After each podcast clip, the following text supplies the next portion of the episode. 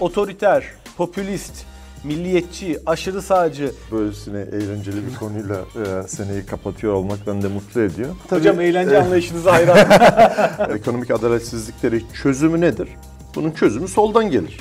20 yıl boyunca bu sözünü ettiğiniz liberal rüyayı herkes dinledi. Neye göre değişiyor? Ne kadar siyasi ömürlerinin uzun olduğu? Korku en temel duygumuz bizim. Her tarafta bir dış mihrak arayışı var. Aynı şeyi Trump da yapıyor. Osmanlıcılık boş boşuna ortaya çıkmadı ya da sadece estetik ya da atalara sevgiden ötürü çıkmadı. Solun işi çok zor. Yani hem bir taraftan yalan söylemeyi biraz becerecek, bir taraftan korkuları harekete geçirecek. Merhaba, bugün Selçuk Şirin Hoca ile şunu konuşacağız. Otoriter, popülist, milliyetçi, aşırı sağcı rejimler neden bütün dünyada yükseliyor?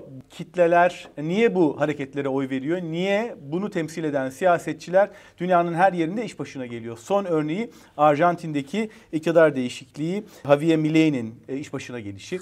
Önümüzde çok konuşacağımız belli ki Amerikan seçimleri var. Trump yeniden iş başına gelmek istiyor.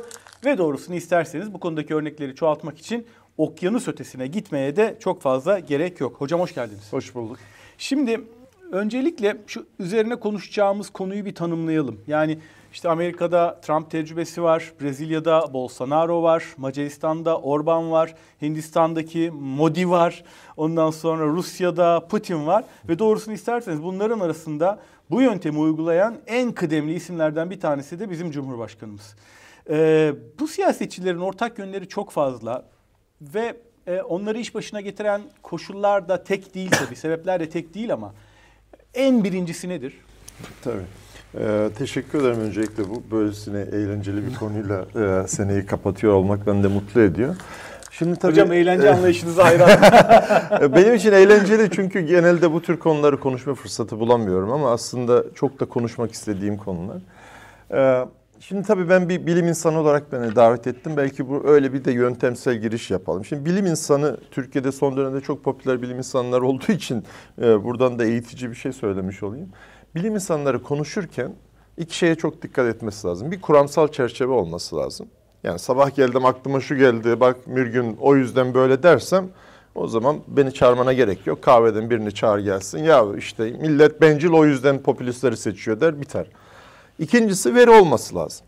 Yani kuramsal çerçeve ve veri olmadan eğer birisi konuşuyorsa ve başında profesör ya da bir şey varsa sorgulamak lazım. Medyaya da senin aracılığına medyadaki profesyonel arkadaşlardan da rica ediyorum. Bir bilim insanını davet ettiğinizde iki şeye dikkat edin. Bir, kuramsal çerçevesi var mı? Bütünsel yaklaşım var mı? Sistematik bakıyor mu? İki, verisi var mı? Şimdi senin sorduğun soruya dönelim.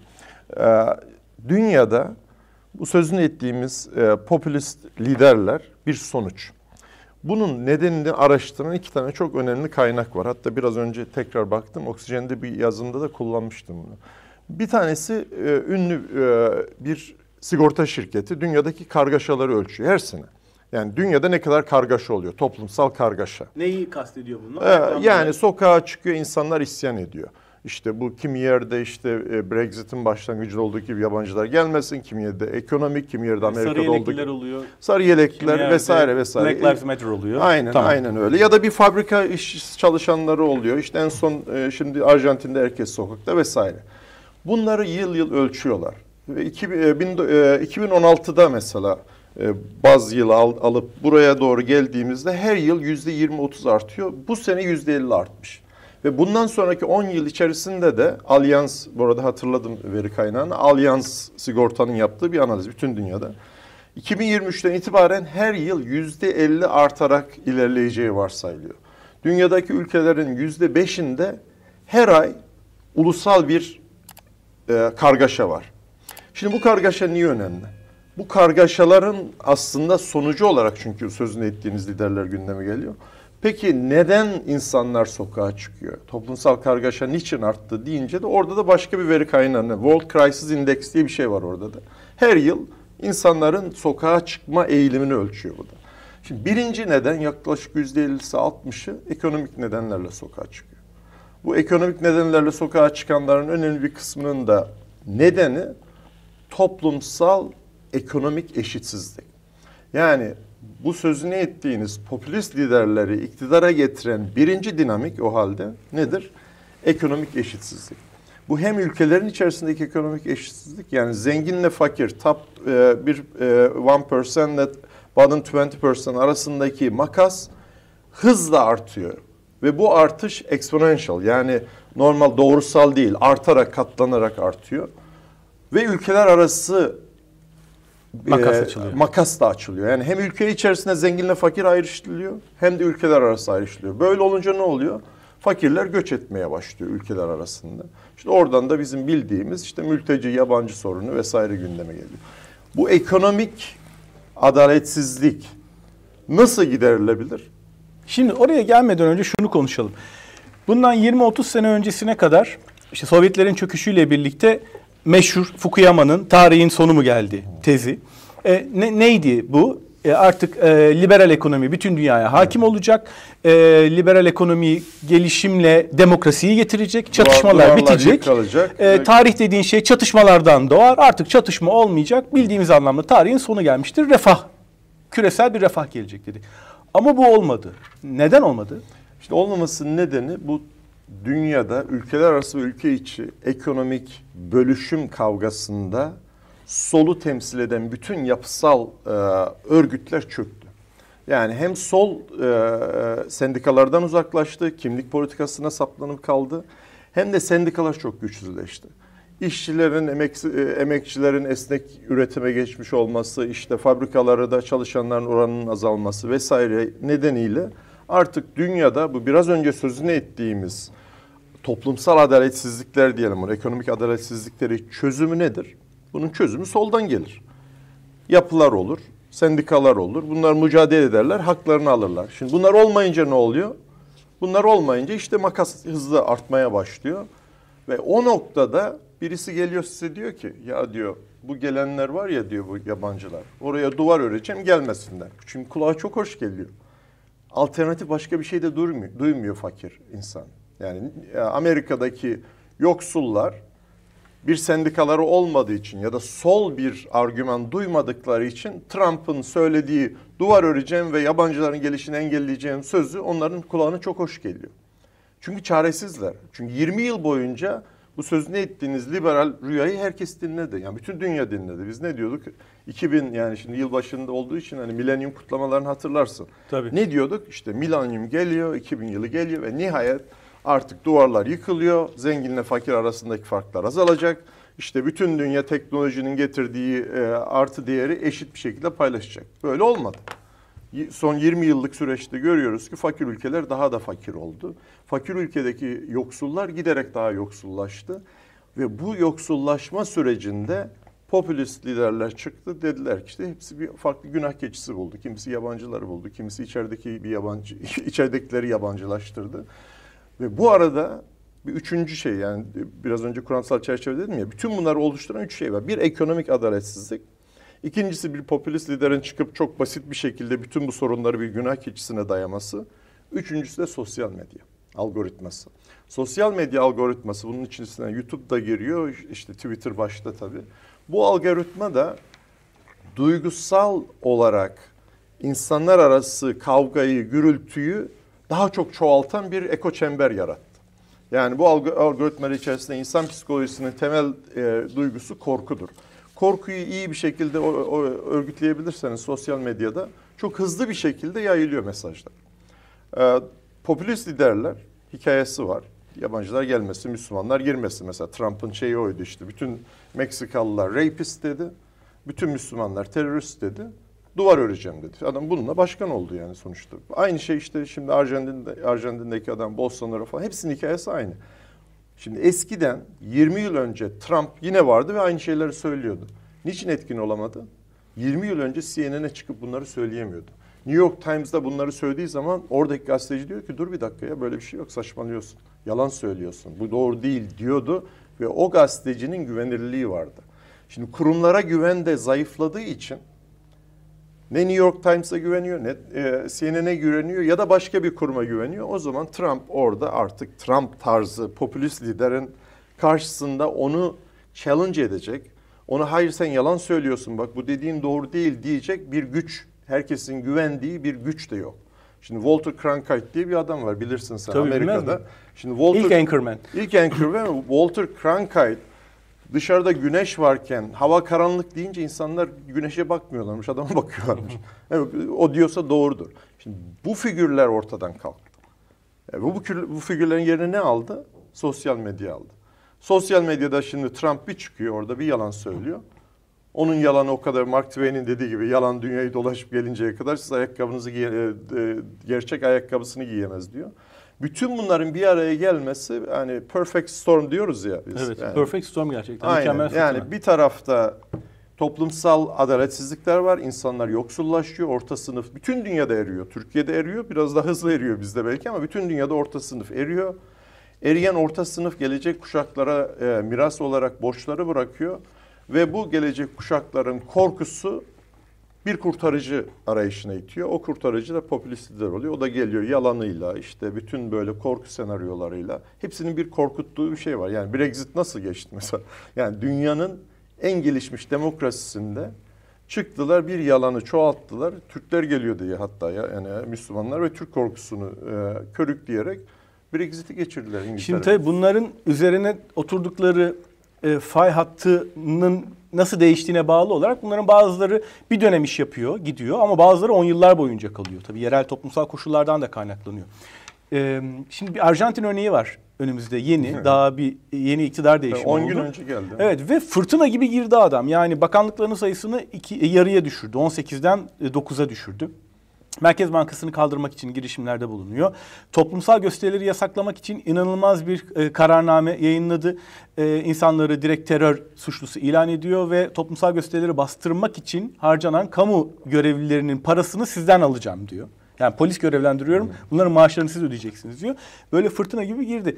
E, geçenlerde bir haber vardı. Dünyanın en kısa süren balayı diye. Yani adamın ay 10'unda başladı. 25'inde Evet. bir sürü toplumsal kesimle şu anda bağına e, koparmıştı. biliyorsun tarihin en büyük protestosu yapılıyor. Yani şu anda bu- biz bu yayını yaparken sabah onu izliyordum ben. Arjantin'de şu an herkes sokakta. Şimdi bu neye bağlı? Yani e, liderin kalibresine mi bağlı? Dediğim gibi üzerinde e, siyaset yaptığı fay hatlarına mı bağlı? Neye göre değişiyor? Ne kadar siyasi ömürlerinin uzun olduğu? Ya burada insan psikolojisini biraz konuşmamız gerekiyor. İnsan psikolojisi rasyonel değil. Yani biz hep e, bütün ekonomi e, bilimi bunun üzerine konuşuyoruz. Rasyonel akıl değil mi? İşte aydınlanma bunun üzerinedir. Rasyonel akıl. Nedir insanı hayvanlardan ayıran? Hep hatırlarsan belki Tabii. çocukluğumuzda nedir? Biz işte düşünebiliyoruz. Aklımız var. Rasyonel. Bunun böyle olmadığını son 10 tane e, Nobel alan ekonomiste bakarsan yaklaşık 5 tanesi e, Karar alma mekanizması behavioral, olduğunu. evet behavioral ekonomi dediğimiz ve onun da özünde şu yatıyor. İnsan rasyonel değildir. Ya aklı var ama her zaman. 10 modunda değil o akıl. Aynen, yani. aynen. Yani o hani belki çok basit hızlıca böyle bir ders moduna geçmeden anlatayım. Yani sistem 1, sistem 2 diye bir şey var. Sistem 1'de böyle e, jerk reaction dediğimiz Hızlı düşünme. Hızlı düşünüyorsun ama düşünmüyorsun aslında. Duygularınla karar veriyorsun. Yani ben seni gördüm ve seni sevdim. Sen ne desen hemen evet diyorum ya. Ya da gıcık oldum. Ne desen hayır diyorum mesela. Yani önerilerine vesaire. Şimdi bunu politikada en iyi kullananlar popülist liderler. Yani Trump'ı biraz dinle. Yani Trump şöyle mesela. Trump diyor ki e, otizmle ilgili aşılarla ilgili Amerika'da e, maalesef Türkiye'de de olan saçma sapan, tamamen yalan bir tane sahte doktorun uydurduğu bir komplo teorisi. Nedir komplo teorisi? İşte bu e, hani bildiğimiz temel koruyucu aşılar çocuklar otistik yapıyor. Şimdi bu tamamen yalan. Şimdi ben bunu söyledim ya sana. Bunu söylediğim için ben bu yalanı çoğaltmış oldum. Çünkü duymayanlar da duydu. Aa acaba var mı? Şimdi bunu Trump şöyle anlatıyor. Diyor ki dayıyorlar diyor e, çocuklara diyor at gibi e, şeyi e, şırıngayı. Çocuğun rengi değişti ben gördüm diyor. Televizyonda bunu anlatıyor. Şimdi bunu duyan ve bu aşıyı geliştiren bir uzman diyor ki ben diyor bunu duyduğunda ben bile ürperdim diyor. Çünkü korku en temel duygumuz bizim Mirgü. Hayatta kalmayı sağlayan yani bir şey çünkü. yani temel korkular 4-5 tane sayılır ama diğerleri hikaye, korku.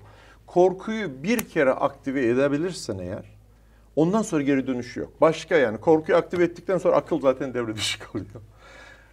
Bütün bu popülist liderlerin de en iyi yaptığı şey insanları korkutmak. İşte Brexit'te Türkler geliyor. İşte dış mihraklar. İşte e, Arjantin'deki e, adam ne diyor? İşte içeride diyor e, onun da bir numaralı düşmanı biliyorsun sendikalar yani. Adam zeki diyor ki sendikaları yani örgütlü kesimlerin el, elini ayağını kırarsan bütün bu şeyin altında o yatıyor. Bunları çökertirim diyor. Her tarafta bir dış mihrak arayışı var. Aynı şeyi Trump da yapıyor. Yani Trump'ın söylediklerini çevirin. Biz Türkiye'de 20 yıldır duyduğumuz şeyleri Trump aynı, aynısını söylüyor işte. Hmm. Dolayısıyla bu korkuyu aktivite aktive eden yani harekete geçiren liderler 3-5 adım öne geçiyor. Şimdi Obama istisna yani son 20 yılın istisnası Obama. Onun da şansı karşısında korkuyu aktive eden bir popülist lider olmaması. Obama hopla, umutla kazanan son lider belki de. Ee, bütün diğer liderler dikkat edip korkuyu harekete geçiyor.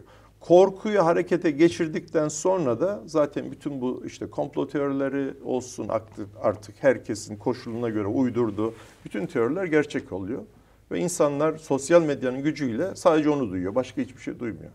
İnanılmaz e, yani akla hayale gelmeyecek böyle oturup mesela biz burada desek hadi şöyle bir şey uyduralım. E, yani çok zor bir şey değil uydurmak. Ve bunu korkuyla biz satmaya kalksak yani senin reytingin de artar bu arada onu. Şu yayından sonra biraz bir korku üretelim hocam. Peki şimdi e, bu nereye kadar sürecek? Yani bu döngü ne zaman tamamlanacak? Buna karşı getirilecek cevap mesela e, sol popülizm mi? Şimdi solcular bu işi çok iyi yapamadığı için dünyada sol zaten bu kadar geriledi. Yani solun gerilemesini Türkiye'de şöyle açıklanıyor işte Sovyetler çekti. Olur mu yani Sovyetlerle doğrudan bağlantısı? Solun çökmesinin nedeni sosyal medyanın arttığı, popülizmin e, arttığı bir ortamda sol bu duyguları yönetme işini beceremedi. Yani dünyanın hiçbir yerinde beceremiyor. İngiltere'deki seçimleri takip edersen yani normalde eskiden denklem şuydu. Bir ülkede e, e, misery index dediğimiz bir şey var. Yani işsizlik ve e, enflasyon üst üste koyuyorsunuz. O ülkedeki e, sefalet indeksi ortaya çıkıyor. Sefalet arttıkça iktidar değişir. Yüzde seksen iktidarı değişimini, e, seçimlerin sonucunu belirleyen şey ekonomik fundamentallar.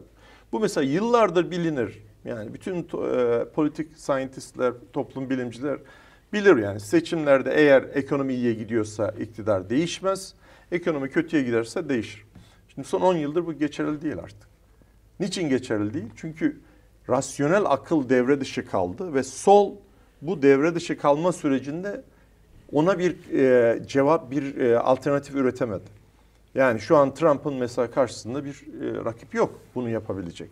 Ya da işte e, bütün saydığımız örneklerde işte en son Arjantin'de yani şimdi bir tarafta e, Arjantin'deki e, e, adam çıkıyor yalan yanlış bir sürü şey söylüyor. Adamı hatırlarsan yani böyle rockstar gibi falan. Bir de bütün bunlar eğlenceli insanlar. O da önemli yani onu atlamayalım. Yani şimdi Trump'ı mı izlemek istersin Biden'ı mı? Biden izleyince uyuyorsun.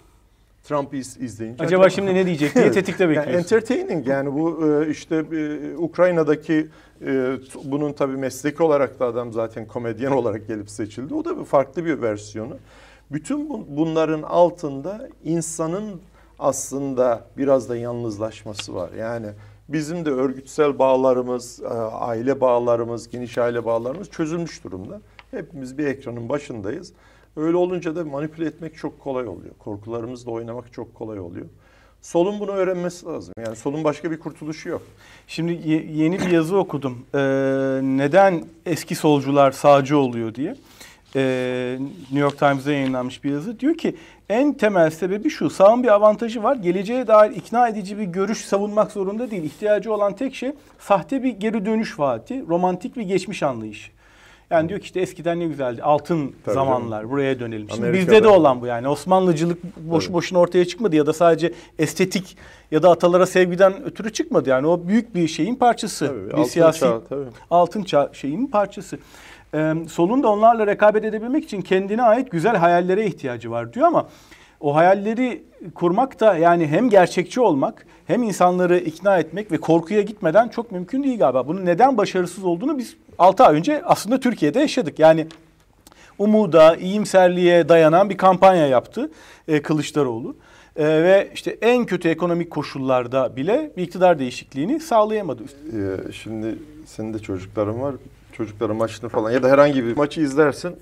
maçın sonucunu öğrenirsen ya da birisi derse ki bak şuradaki koç 5 tane maç şimdiye kadar kazandı 10 tane şampiyonluğu var buradakinin yok. O gözle bakınca o adamın verdiği bütün kararlar sana çok doğru gelir. Bununki hepsi yanlış gelir. Buna post-hoc explanation diyoruz yani. Bilgiyi aldıktan sonra baktığına değil de başka bilgilere bakarak yorum yapıyoruz. Şimdi seçimde, son seçimlerde kaç, kaç puan farkla kaybettin? 2 puan falan. 2 puan. Yani 2 puan 100 içerisinde istatistik olarak 5 puanın altını biz saymayız mesela. 5 puan altı önemsizdir çünkü yani 100'de 95'i tutturursan 5'i tutturmasan olur. Şunu söylemeye çalışıyorum. Eğer Kılıçdaroğlu seçimi 2 puan daha fazla alsaydı ki alabilirdi yani bir sürü değişik şeyleri düşünebiliriz. Yani e, Meral Akşener masadan kalkmasaydı belki alırdı vesaire. O zaman da bugün oturup aslında bütün o stratejinin ne kadar doğru olduğunu söyleyebilirdik. Onu söylemeye çalışıyorum. Yani bu son seçime bakarak direkt bir yorum yapmayı ben bilimsel olarak doğru bulmuyorum. Yani bu seçim bir, bir sürü başka dinamiği vardı. Ee, ama Türkiye'de sol bir lider çıkıp yeni bir hikaye anlattığı zaman bütün bu saydığımız denklemin altısı olacağını ben biliyorum. Çünkü dünyadan da bunu biliyoruz. Yani Türkiye'ye e, yeni bir hikaye anlatacak bir lider e, gelme uzun zamandır gelmedi. Yani en son gelen belki de Tayyip Erdoğan'dır. Yani şöyle belki biraz Muzaffer Şerif'i de analım. Geçenlerde bir yerde yazdığım için çok taze fikirleri. Muzaffer Şerif'i e, duydum, duymuş tabii. olabilirsin tabii ki. Şimdi Muzaffer Şerif e, bizim bildiğimiz Atatürk'ün hani yurt dışına gönderip sizi işte gönderiyorum kıvılcım olarak döneceğiniz e, döneceksiniz dediği gidiyor. Harvard'da okuyor, Kolombiya'da okuyor. Çok başarılı İzmirli bir aileden geliyor. Mükemmel bir hikaye. Geliyor Türkiye'ye. 1940'larda dil tarihte, önce Gazi'de sonra dil tarihte okuyor.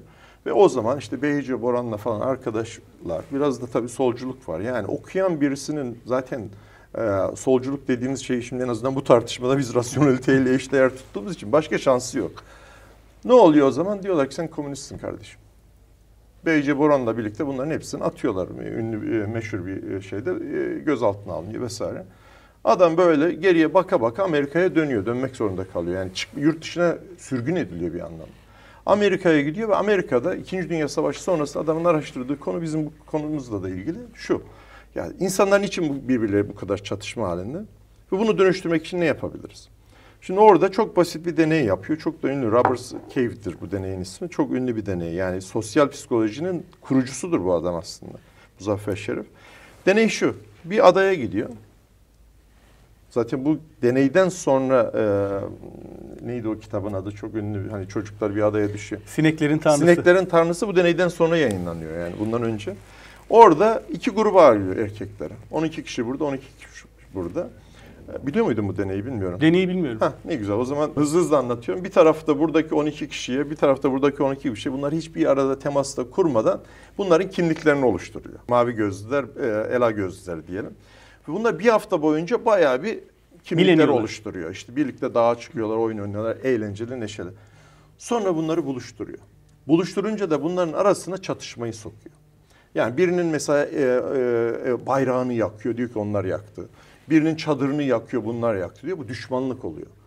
İkinci Dünya Savaşı koşullarını yaratıyor deneyde. Ve bunlar böyle olunca diyor ki ya diyor o e, işte mavi gözler var ya diyor onlar şeytandır şudur bu düşmanlaştırıyorlar falan. Bütün bunlar da ölçüyor ve o arada düşmanlık had safhaya çıkıyor. Adamın sorusu şu. Bu kadar düşmanlığın arttığı bir ortamda tekrar bunları nasıl bir araya getirebiliriz? Üçüncü haftasında deneyin. Yani birinci hafta iç kültür kimlik oluşuyor. ikinci hafta çatışma oluşuyor, nefret oluşuyor. Üçüncü haftada tekrar bunları bir araya getiriyor. Diyor ki bak diyor ne izlemek istiyorsunuz akşam şu film. Paranız yok diyor. Birleştirmeniz lazım parayı. Ya da suyunu kesiyor kampın. 1940'larda olduğu için bunu böyle araştırmalar o zaman yapabiliyorsunuz. Şimdi yapamıyorsunuz tabii. Suyu kesiyor. Suya ulaşmak için bunların işbirliği yapması lazım. Bütün bunlardan da şuna gelmek istiyorum. Şimdi Türkiye'de şu toplumsal ya da dünyada saydığımız ülkelerin hepsinde toplumsal çatışma had safhada.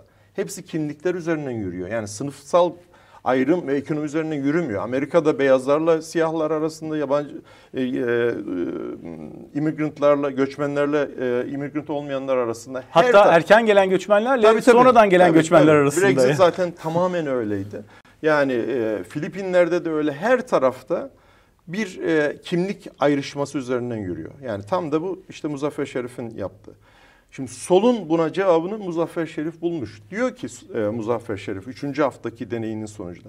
Eğer diyor ortak bir hedef gösterebilirsen, şu andaki çatışmada ortamının ötesine gidecek bir ortak hedef gösterebilirsen o zaman bir araya gelirler. Mecburen geliyorlar. Çünkü işbirliği yapmadan ayakta duramayacakları bir önerme sunman lazım. Bir hikaye sunman lazım. Yani bizim Cumhuriyet'in kuruluşunda Atatürk'ün yaptığı mucizevi başarı bence o.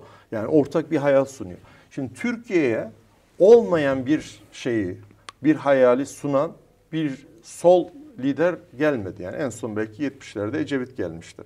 Ee, bunu böyle bir lider dünyada da çok az. Yani sol bunu beceremiyor dememin nedeni biraz da o. Ama bunu sağda çok iyi beceriyorlar. Çünkü orada biraz önce senin okuduğun gibi orada bütün yapması gereken ya 1950'lerde Amerika, Her şey Trump güzel diyor ki 1950'lerde bakın o filmlere bak her şey ne kadar Make güzel. America Great aynen, Again diyor. Aynen, yani. aynen. Geriye dönüş.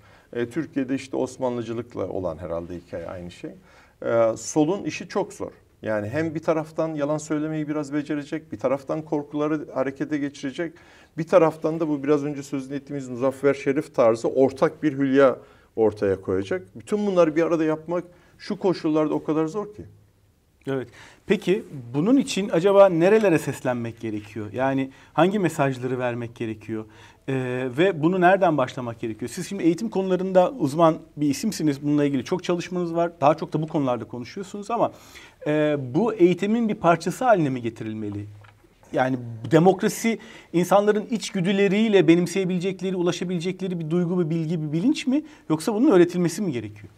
Yani de, kesinlikle demokrasinin de öğretilmesi gerekiyor ama bunun eğitimle olacağına inanmıyorum ben. Yani eğitimde hani müfredata şunu koyalım işte evde bunu yapalım. Müfredata zaten koyamazsınız çünkü onun konmaması e, hakimlerin e, işine gelen yani bir şey. Yani. konulsa bile okuldaki e, müfredatla hayattaki müfredat uymayınca hayat baskın çıkıyor. Yani şimdi çocuklara mesela şimdi Türkiye'de görgü kuralları dersi veriliyor. Yani şimdi görgü kuralları dersini okulda verirsin. Yani e, işte senin de çocuğun var, benim de çocuğum var. Çocuk orada öğreniyor. Sonra bakıyor televizyona birbirine küfredenler e, alkışlanıyor.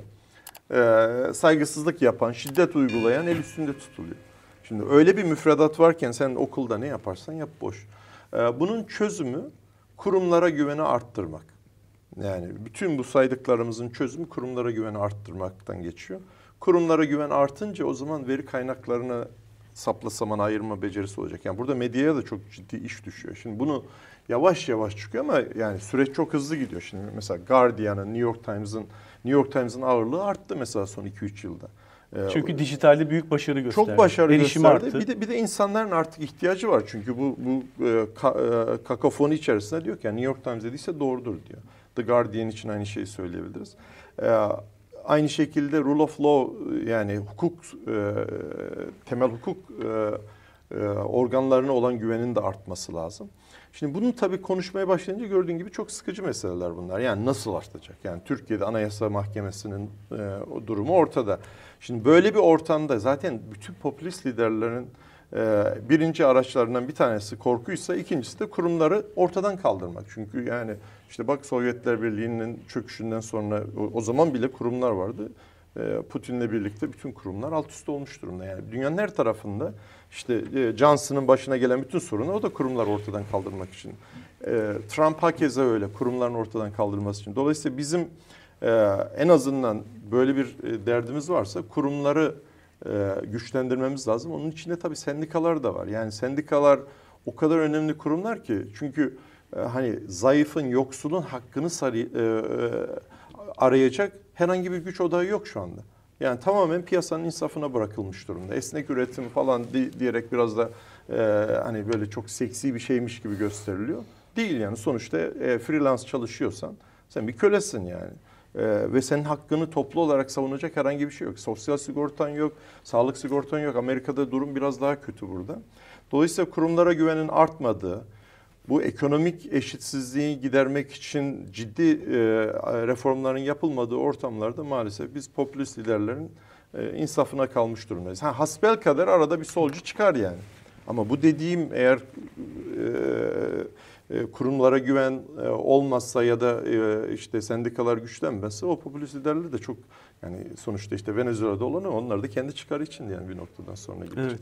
Hocam bu vesileyle bu yıl yayınladığınız kitabı da e, konuşalım. Ya adalet ya sefalet. Şimdi bu kitapta pek çok şey var ama asıl 7. bölümü, son bölümü tam da konuştuğumuz konulara dayanıyor. Türkiye özelinde. Toplumsal güven, karpuz gibi ortadan ikiye ayrılmış bir ülke diyorsunuz ve Türkiye'deki ayrımcılık e, hatlarının nereden geçtiğini, cinsiyete dayalı ayrımcılık, bölgeye dayalı ayrımcılık, dine ve mezhebe dayalı ayrımcılık diyorsunuz ve çözüm olarak da güven köprüsü diye bir başlığınız var. Kitapta bu konuştuğumuz meselelerin yerel e, karşılıklarını çok iyi görüyoruz. Bu vesileyle bunu da hatırlatmış olayım. Çok teşekkür ederim hocam geldiğiniz ve anlattığınız için. Kısa sürelerle burada olduğunuzu biliyorum. Amerika'dan geliyorsunuz, sık geliyorsunuz gerçi ama e, burayı da boş bırakmıyorsunuz. Bizi de ihmal etmiyorsunuz. O yüzden de çok mutlu oluyoruz. Çok sağ olun. Teşekkür ederim.